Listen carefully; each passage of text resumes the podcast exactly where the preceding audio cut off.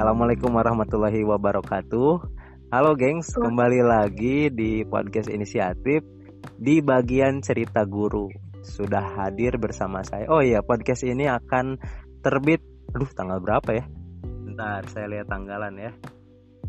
Berarti podcast ini akan terbit uh, mana ini? Oh, tanggal 13 Juni 2020 hari Sabtu. Jadi selamat 13 Juni.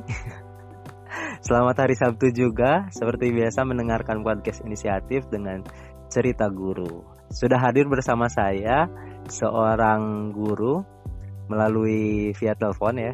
Seperti biasa karena pandemi jadi tidak bisa ke mana-mana dan mahal juga menghadirkan guru yang satu ini. Guru eh pernah menjadi guru dan mungkin akan menjadi guru lagi gitu ya. Karena sekarang sedang ada kesibukan. Kesibukannya uh, menjalani S2 betul tidak? Boleh sekalian kenalan lah tamu satu ini. Mbak Dwi. Mbak Dwi panjangnya apa sih? Dwi Rahma Hidayati. Ah Dwi Rahma Hidayati.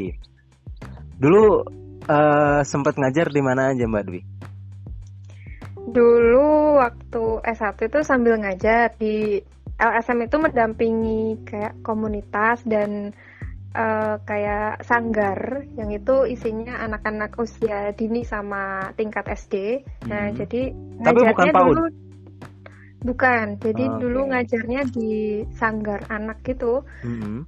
Uh, di kayak komunitas di uh, perkampungan di salah satu wilayah kota Malang. Oke. Okay. Terus setelah itu? Habis itu juga sambil mendampingi anak-anak SMP. Jadi aku lebih ke pendidikan non formal gitu luar ah, sekolah. Berarti memang ini ya jalur non negeri. jalur non negeri dan non swasta. Uh, uh. Habis itu ya itu terakhir di SMK Bakti Karya Parigi. Oke, okay. dulu sempet di Bakti Karya itu kalau nggak salah berapa bulan sih? 8 8 bulan ya? Luar biasa. Dan Mbak Dwi ini salah satu relawan sekaligus pengajar juga yang ikonik di antara siswa-siswa lain. Di antara siswa-siswa maksudnya. Ikoniknya itu kayak ya pertama salah satu representasi dari kebudayaan Jawa. Karena sangat jarang sekali mencari siswa dari Jawa dan kebetulan gurunya dari Jawa. Jawa Timur ya tepatnya ya Hmm. Asalnya dari mana sih, Mbak? Blitar. Oh iya Blitar. Utar cilik kang kawentar. Uh, Blitar itu berarti nggak beli sekarang ya, belinya entar. Iya entar entar aja. Oh tiap hari ulang tahun katanya. Eh kenapa? Blitar. lah, emang? Blitar. Tart kue oh, tart. Ya Allah ya Allah. Aku baru sadar Blitar oh iya. Uh, selain di SMK Bakti Karya, setelah di SMK Bakti Karya berarti langsung lanjutin di mana ini aktivitas? Iya, lanjut S2 Pendidikan Dasar Konsentrasi Pendidikan Anak Usia Dini. Waduh. Di Maska Sarjana UNESA.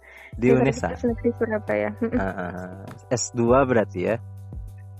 Uh, ya, uh, oh iya berarti sekarang udah tahun ke tahun terakhir ini detik-detik ada spesifik spesifik di tahun terakhir itu harus diperjelas ini.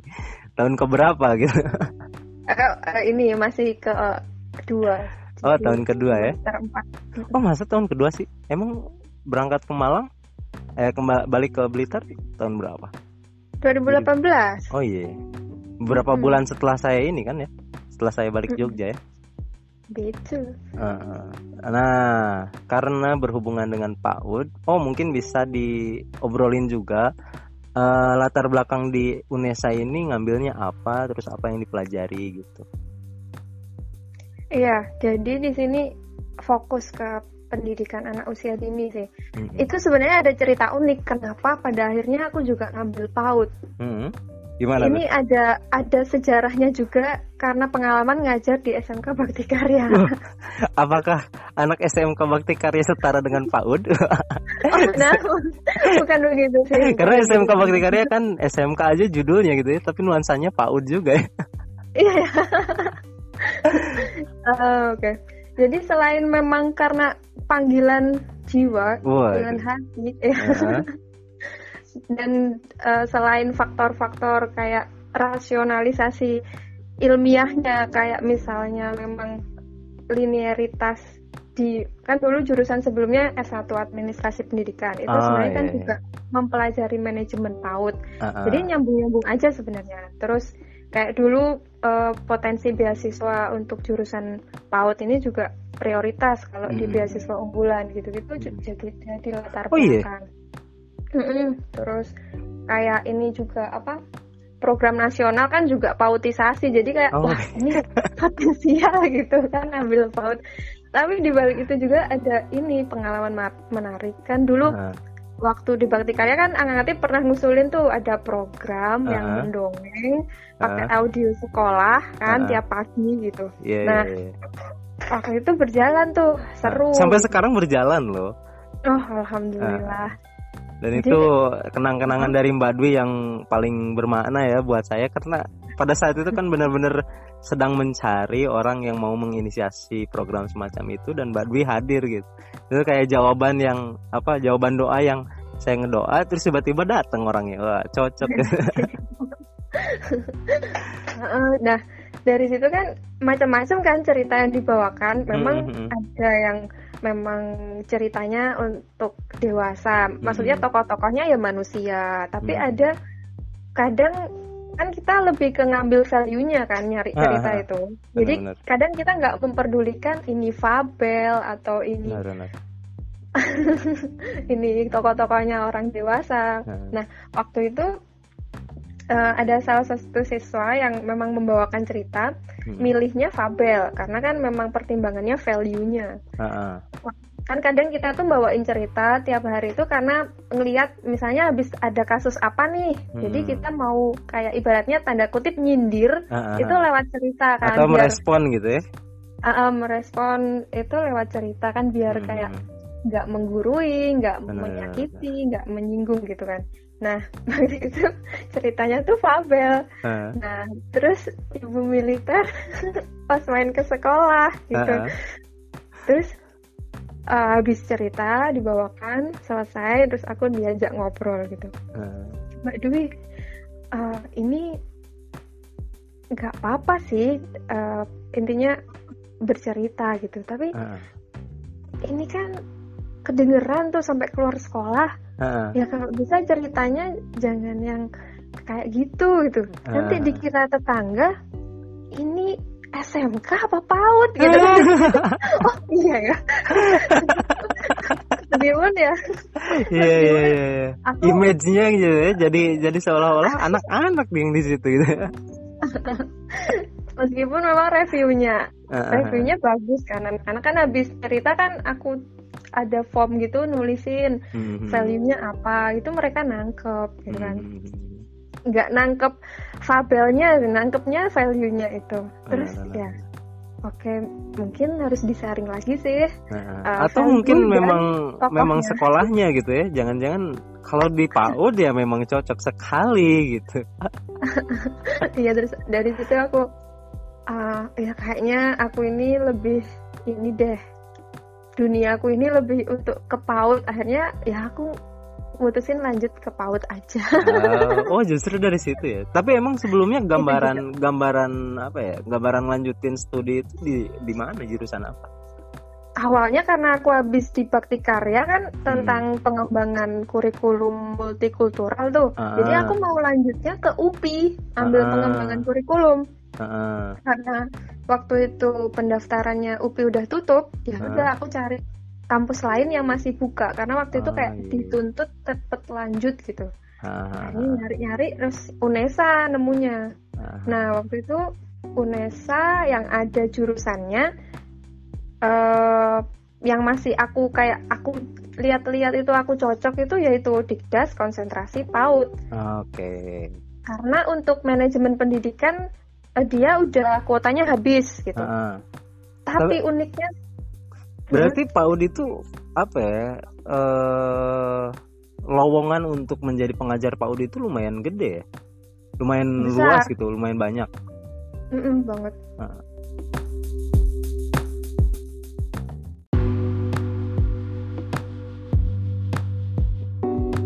Permintaannya yang banyak atau memang sedikit sarjana yang memang fokus di PAUD? Uh, gini permintaannya sebenarnya juga banyak untuk profesional guru PAUD hmm. karena kasusnya di Indonesia tuh gini uh, kebanyakan yang mengajar guru PAUD itu bukan jurusan PAUD dan biasanya nggak ngambil uh, prof, apa pendidikan profesi guru PAUD. Ah, Jadi iya, iya. kasusnya itu yang ngajar PAUD kebanyakan misalnya nih, mohon maaf, uh, ini lulusan SMA atau siapa aja nggak Hmm. peduli latar belakangnya, pokoknya pengen dan mau ngajar anak-anak Ah. usia dini. Berarti Menurut- secara Mm-mm. keprofesionalitas apa profesionalitas sebetulnya tidak men apa ya tidak mumpuni dalam bidang akademik gitu ya. Iya, tetapi kita sangat mengapresiasi kan kepedulian untuk Hmm. Benar, benar, mau belajar. Nah, akhirnya kebanyakan yang sudah misalnya nggak ada background guru PAUD, Hmm. itu akhirnya ngambil lanjut lagi S1 PG PAUD misalnya kayak Ah, gitu. iya, iya, Jadi iya, iya. sekarang kebanyakan kayak yang ikut pelatihan guru PAUD itu ya yang ini tadi yang gitu ya. mm, yang Di luar linearitas apa akademis gitu ya. betul. Sebenarnya kan syarat guru PAUD itu ini S1 PG PAUD Mhm. dan psikologi. Oh, saya kirain syarat jadi guru PAUD ikhlas. itu penting sih, itu nomor satu juga. Karena kan ngurusin anak-anak gitu ya sebanyak ya Betul. tidak terlalu banyak mungkin ya cuma ya ngurusin dua atau tiga anak usia dini juga sepertinya bakal memusingkan gitu ya. Iya banget heboh dan eh, kasusnya kan memang kebanyakan di daerah-daerah itu ya gajinya sangat benar-benar. kecil gitu kayak ada temanku yang pernah cerita dia jadi guru PAUD dia backgroundnya bukan S1 PAUD itu Hmm. dia per bulan itu ada yang kadang dikasih kayak sembako atau sabun gitu Oh iya. jadi untuk uang itu jarang banget dan kadang nggak ada bahkan nggak ada nggak ada lima ratus ribu gitu-gitu lima ratus ribu nggak nggak sampai lima ratus ribu nggak sampai lima ratus ribu bahkan nggak nggak sampai seratus ribu itu ada Wah. pernah itu gitu jadi emang butuh keikhlasan tinggi iya iya iya apalagi ngurus anak orang loh Ah, ah. Secara dan itu ini. padahal padahal anak usia dini itu eh kayak membutuhkan tingkat keilmuan yang matang dan Hmm. kayak keprofesional yang tinggi juga berarti emang seberapa apa ya seberapa eh, sebe- seberapa relevan pendidikan atau pendidikan tinggi eh, latar belakang pendidikan PAUD atau latar belakang pendidikan guru-guru PAUD terhadap pola pengajaran?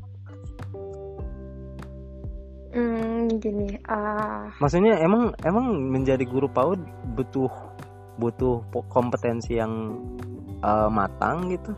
Mm, mm, Eh, gini aku dulu waktu masih S1 tuh kan sering baca-baca Hmm. Kompas gitu-gitu ya Hmm. artikel gitu aku pernah nih sua- menemukan suatu artikel nulisnya gini guru PAUD itu kalau bisa yang ngajar eh PAUD itu kalau bisa yang ngajar itu lulusan S3 atau Wah. profesor gitu profesor karena jadi Oke karena oke, mahal sekali ya menjadi PAUD ya, menjadi anak guru PAUD. PAUD Ah, karena kan itu dasar. Dasar bagaimana nanti tumbuh Benar, menjadi benar, seorang manusia seutuhnya. Ah, Makanya fondasi ini yang kalau bisa yang mengajarkan, yang menumbuhkan juga orang-orang yang sudah matang secara keilmuan dan Iya iya iya. secara kayak secara sebagai manusia tuh udah matang gitu loh. Hmm, Gitu. Dan maksudnya profesor itu mungkin juga bukan mesti yang harus Profesor secara akademik akademis S3.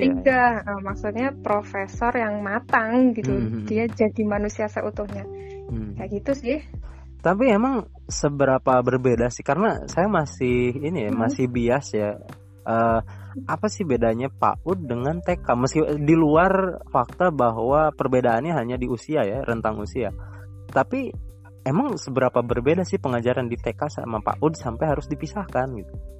Oke gini, kalau dari sepemahamanku memasuki dunia PAUD Hmm. sekarang ini, uh, gini, PAUD itu kalau di Permendikbud hmm, hmm. nomornya aku agak lupa ini yang mana. Ya, itu bagian hukum lah. Apa 146 itu tahun 2014. Huh? Intinya PAUD itu uh, rentang usianya dia untuk 0 sampai 6 tahun kalau di Indonesia. 0 kalau, sampai 6 tahun. Iya, jadi TK TK, RA itu ada di dalam wilayahnya PAUD oh, gitu. Oh iya iya. Gitu ya. Uh, penitipan mungkin, anak, uh, daycare itu di dalam PAUD gitu. Cuma TK, RA itu uh, yang pendidikan formalnya. Mm -hmm. Nah non formalnya ya kayak misalnya taman belajar ini, gitu ya.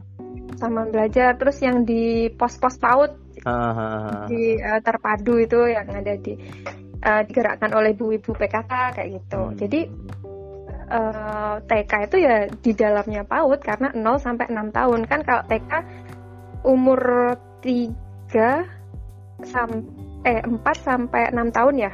Berarti benar, berarti di mana PAUD itu tidak hanya dimanai sebagai institusi formal, tetapi juga hmm, sebuah pendidikan secara utuh. Iya, pendidikan PAUD itu pendidikan anak usia dini, hmm. baik formal maupun non formal. Oh, iya iya. iya. Uh, uh, baik dan informal, jadi di keluarga juga, keluarga, uh. sekolah dan oh, lingkungan masyarakat. Dengan dengan apa ya? Dengan logika seperti itu berarti kan orang tua atau ibu di rumah untuk ini ya untuk ibu-ibu rumah tangga atau uh, bapak-bapak rumah tangga gitu berarti minimal untuk ngasuh anak ditarik sama yang tadi berarti setiap orang itu setiap orang tua dituntut untuk punya kemampuan setara dengan profesor dan ini ya dan dokter. iya, profesor untuk anaknya. ah, benar, benar, benar.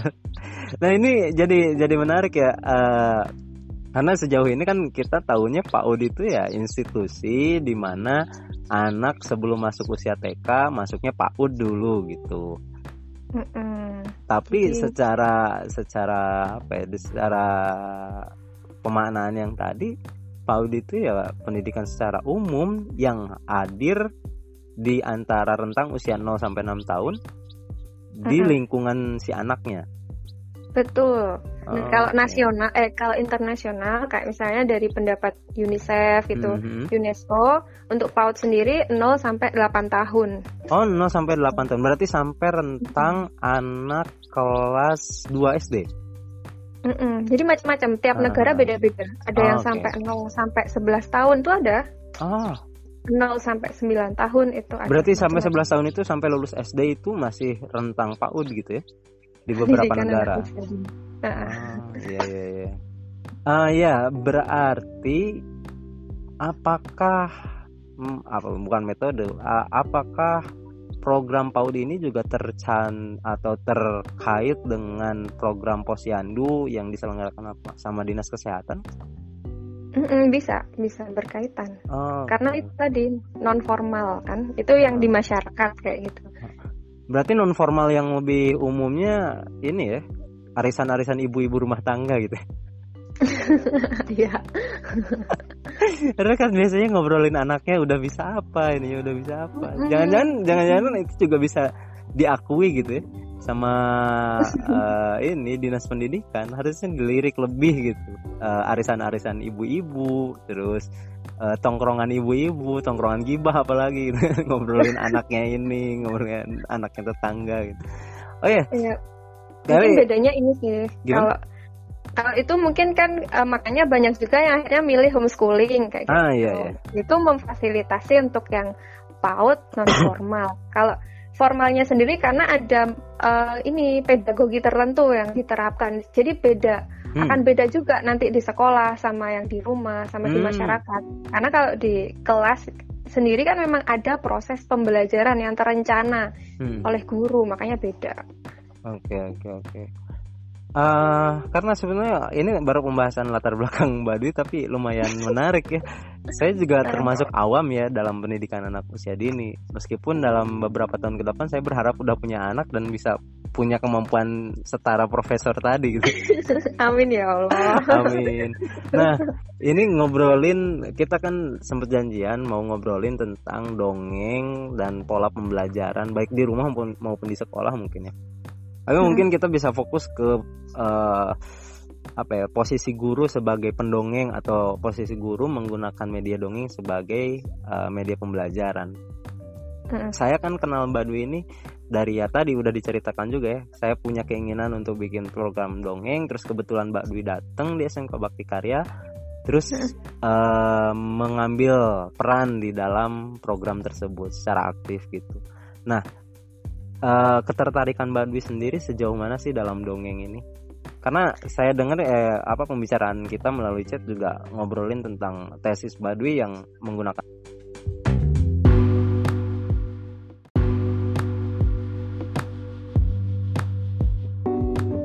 juga. Meskipun kita nggak bahas itu karena tadi katanya masih dalam proses pembuatan gitu ya.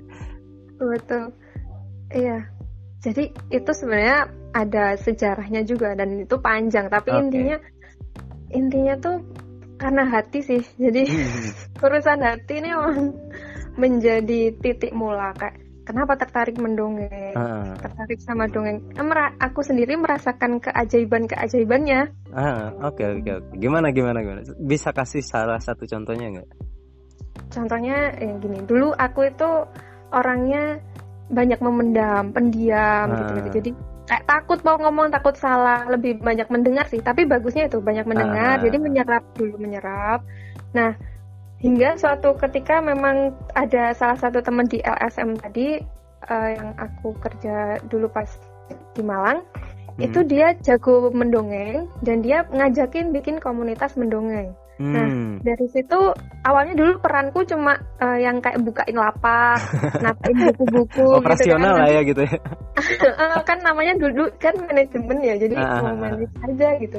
Uh, Atau um, manggilin anak-anak, udah kumpul temanku mendongeng aku ikut mendengarkan terus uh. waktu mendengarkan itu kok ah, seru ya cerita itu aku kok asik banget didongengin uh. Nah dari situ kita jadi juga sering latihan bercerita, latihan olah vokal, ekspresi. Oh Hai. kok jadi kok seribet jadi itu ya?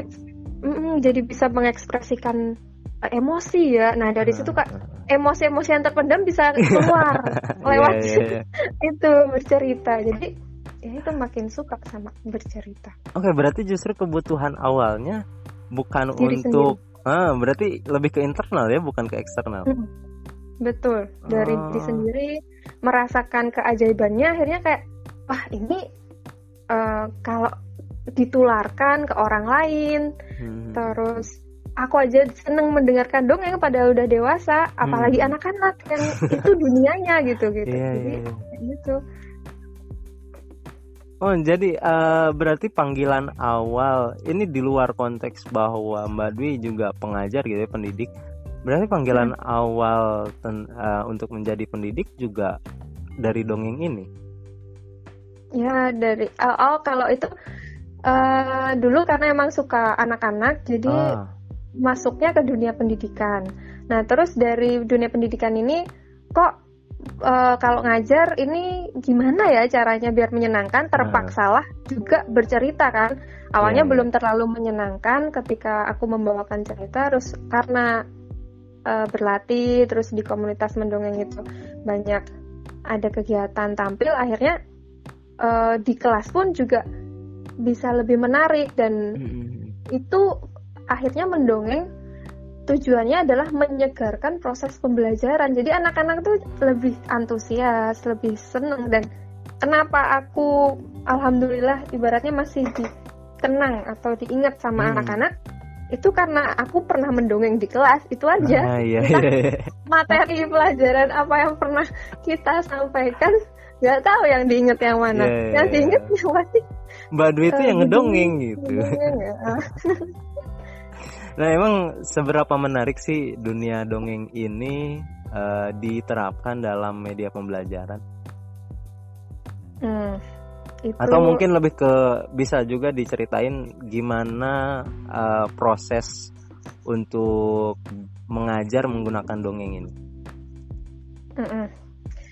Uh, kalau itu kita lihat ini value yang mau kita sampaikan okay. pengennya apa terus sesuaikan juga sih sama materinya nanti kita apa hmm. misalnya waktu itu aku kan uh, yang ngajar di Sanggar itu dia ada di pemukiman kumuh. Nah, mm-hmm. di situ uh, ada sungai yang tercemar.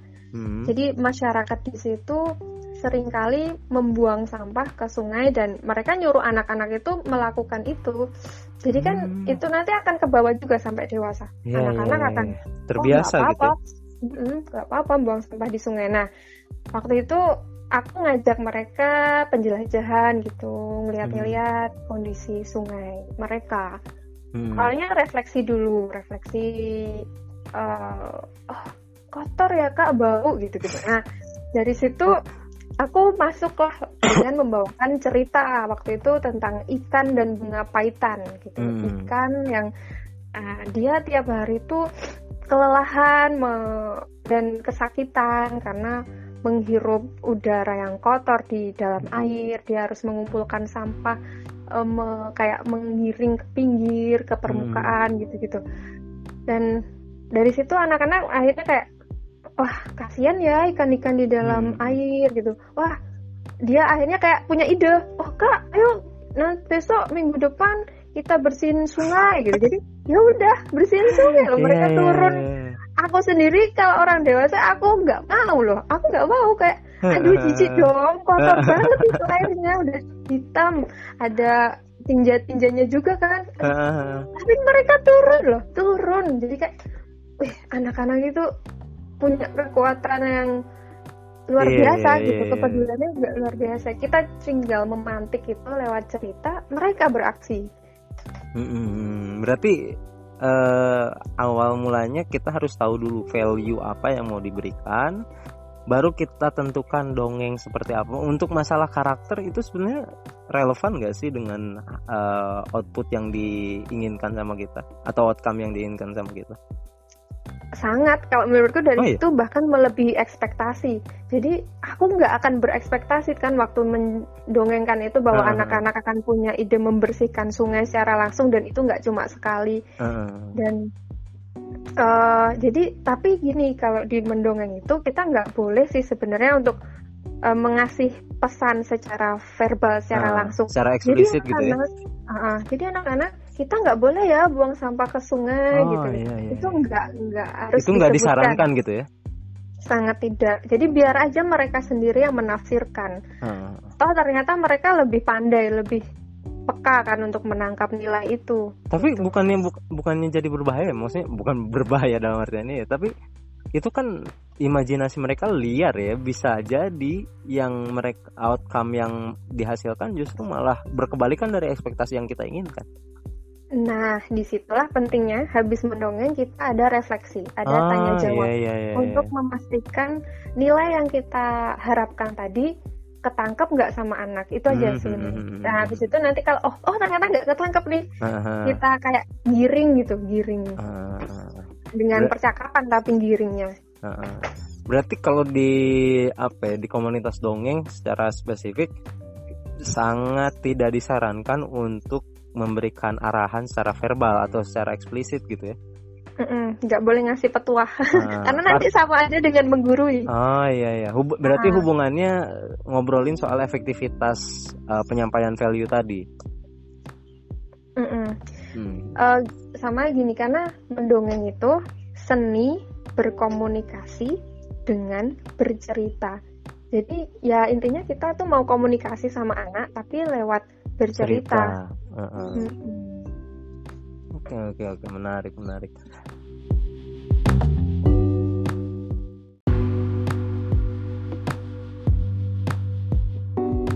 Uh, dongeng favorit menurut Mbak Dwi apa ya? Maksudnya eh kok malah ke dongeng favorit? Uh, atau pernah punya satu dongeng nggak yang terngiang sampai sekarang? banyak sih sebenarnya dongeng yang terngiang. Kalau nah. Angatin sendiri apa nih coba? Aku pengen tahu Sa penasaran. Saya dulu pernah baca Bobo nih yang salah satu dongengnya itu tentang gorila. Itu tuh cerita bersambung. Jadi saya sampai nungguin Bobo berikutnya untuk mendengarkan cerita itu. Itu tuh cerita tentang gorila yang dibesarkan oleh sebuah kerajaan dan menganggap dirinya itu seorang putri. Sampai dia ketemu gorila yang lain dan baru sadar bahwa dia itu gorila itu kan Ini kayak jati diri ya. Itu- maksudnya Teman jati diri. itu kan versi lain dari itik ini ya apa maksudnya angsa angsa buruk rupa itu Ber- eh, hampir sama konsep value-nya itu hampir sama itu jadi seberapapun Bener. kita dibesarkan eh, di lingkungan yang berbeda kalau kita memang apa ya punya hasrat untuk berbuat baik ataupun punya hasrat untuk melakukan hal yang di luar dari lingkungan itu ya itu bisa bisa muncul gitu. Dan itu sah-sah aja untuk menjadi gorila di tengah-tengah manusia kerajaan gitu sah-sah aja gitu meskipun Di dalam ya. Heeh, tapi, tapi dulu itu saya sampai mengira-ngira ini tuh sebenarnya siapa gitu Nah itu bagus banget kan buat anak Mm-mm. dia dia Kalau- berpikir kritis.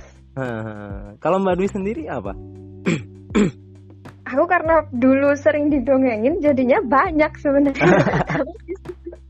tapi yang paling ini Bapak deh yang dongengin. satu satu yang satu yang paling terngiang sampai sekarang Satu terngiang paling sekarang itu dulu bapakku dongenginnya kancil juga. Ah, iya, iya, iya. kancil nyolong timun juga.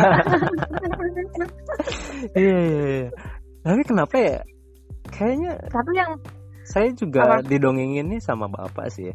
Cuma kayaknya bapak-bapak mendongeng itu lebih menarik gitu daripada ibu-ibu. Maksudnya mungkin ibu-ibu mendongeng lebih biasa, tapi kalau bapak-bapak mendongeng, wah kayak ada sesuatu yang beda gitu. Iya betul. Mungkin nggak tahu kenapa ya. Dulu juga bapak saya yang dongengin bukan ibu saya. oh iya. Tapi karena mungkin bapak pendidik juga ya, jadi Ah iya. eh, itu mendongeng. Tapi Ah. sebenarnya yang yang berkesan buat aku sih dulu karena sering diceritakannya kan si Roh ya kisah Nabi dulu Hmm. kisahnya Nabi Ayub kisahnya Ah. Nabi Ayub yang sabar banget Hmm. ketika ditimpa berbagai musibah.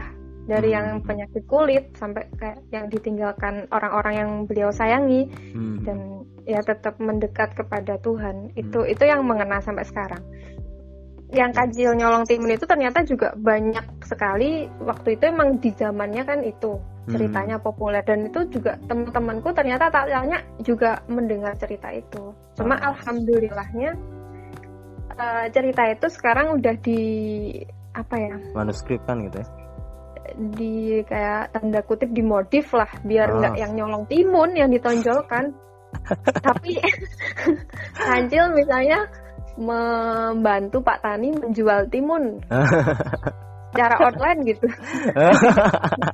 Itu juga itu menginspirasi. Iya iya iya.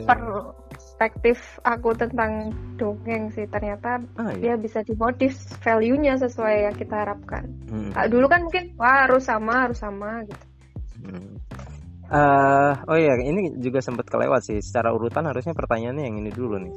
Eh, memang idealisme pendidikan menurut Mbak Dwi itu apa sih? Maksudnya pendidikan itu harusnya seperti apa? Baik secara formal maupun non formal gitu ya. Terlebih sih lebih ke peran guru gitu. Guru itu harusnya seperti apa? Kalau menurutku eh, lebih memerdekakan pelajar atau ya si subjek belajarnya ini dia Hmm. maunya gimana ya guru itu memfasilitasi keinginan atau eh, minat si pelajar ini si Hmm. anaknya ini misalnya gitu. Dan guru lebih menjadi teladan si figur. Gimana sih harusnya jadi manusia gitu misalnya. Gimana sih caranya belajar gitu. Jadi eh, anaknya ini yang lihat itu oh ternyata belajar tuh gini ya. Oh Hmm. jadi manusia tuh gini ya. Gitu. Jadi kita lebih menginspirasi aja daripada memaksa anak biar ikut eh, sama kita karena Hmm. aku pernah baca itu gini entah jadi orang tua atau jadi guru itu yang penting eh, misalnya kamu ingin anakmu itu atau muridmu itu dewasanya kayak apa Hmm. ya udah kamu sendiri dulu yang Berja- jadi orang itu gitu. ya? dewasa itu, Hmm, gitu. jadi lebih ke berarti jadi teladan figur gitu ya.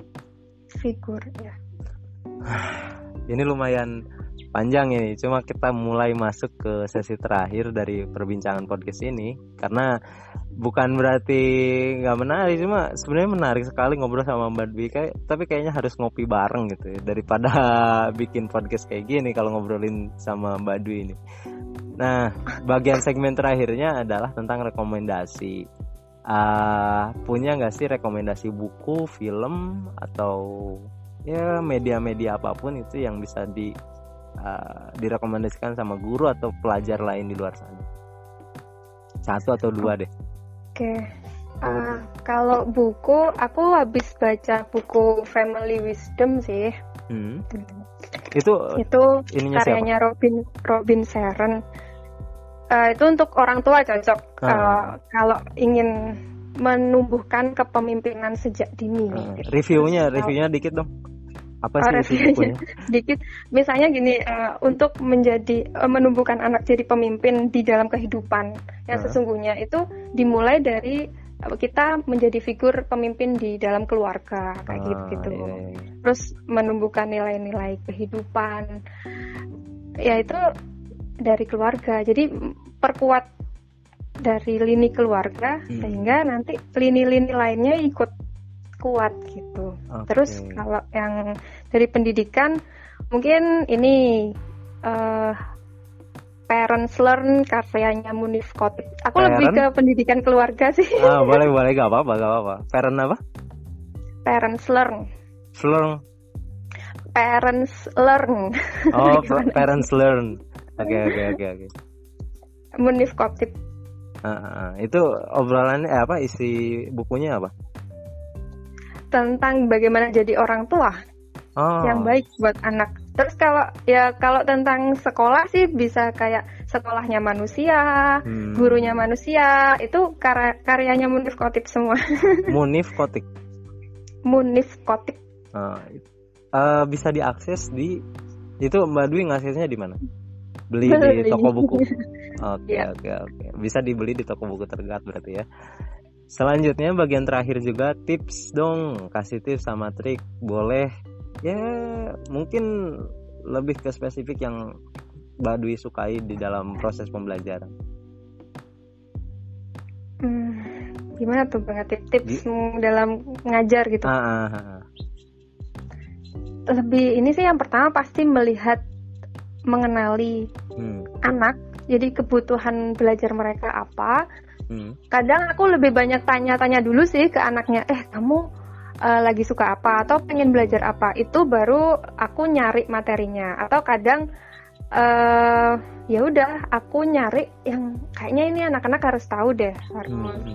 uh, harus belajar kayak gitu. Tapi di match match kan sih. Jadi apa kebutuhan zaman sama apa kebutuhan anak hmm. dipertemukan gitu terus disiapkan materinya hmm. sebelum pembelajaran media-media yang menarik ya salah satunya lewat cerita aku biasanya buka lewat cerita sih sebelum belajar oh, okay, okay, okay. sebelum ngajar jadi itu menarik ya berarti latar belak apa uh, prakondisinya disiapkan apa yang diinginkan oleh siswa dan apa kebutuhan lingkungan terhadap siswa tersebut gitu ya baru kita Betul. susun proses pembelajarannya Menarik, menarik. Makasih Mbak Dwi sudah menemani. Mungkin ada yang mendengarkan podcast ini sambil ngerjain soal P atau PAT. Oh, tapi udah selesai kayaknya minggu minggu depan udah selesai PAT-nya. Cuma mungkin lagi ngisi kolom-kolom di raport itu kan membosankan. Saya sih berharap podcast ini jadi teman untuk uh, guru-guru uh, yang sedang mengerjakan seperti itu gitu. Karena kan membosankan ya, Mbak. Ngurusin administrasi bagi guru itu kalau iya masuk banget. kelas sih kalau masuk kelas sih menyenangkan gitu. Tapi kalau ngurusin administrasi kayaknya membosankan. Makanya saya berharap podcast ini bisa menemani guru-guru di mana pun. Beruntung sekali kalau misalkan bisa menjadi inspirasi wadah mempertemukan satu guru pengalaman satu guru dengan pengalaman guru yang lainnya. Makasih Mbak Dwi. Mohon maaf juga ini mengganggu waktunya. Uh, apalagi di sela ketenangan setelah responsi iya. Yeah. nanti kita cerita panjang lebar lah soal responsinya. Karena kalau dimakan sama publik juga kayaknya publik uh, kebanyakan masih S1 ya mendengarkan ini. Ya makasih Mbak Dwi kita ketemu lagi kapan-kapan dan untuk yang mendengarkan semoga tetap semangat. Uh, dan jangan lupa untuk mendengarkan podcast ini. Jangan lupa juga untuk di subscribe diikuti uh, apalagi ya kalau di podcast. Ya udah itu aja lah. Makasih sampai jumpa di Ya. Rabu depan. Assalamualaikum warahmatullahi wabarakatuh. Sama-sama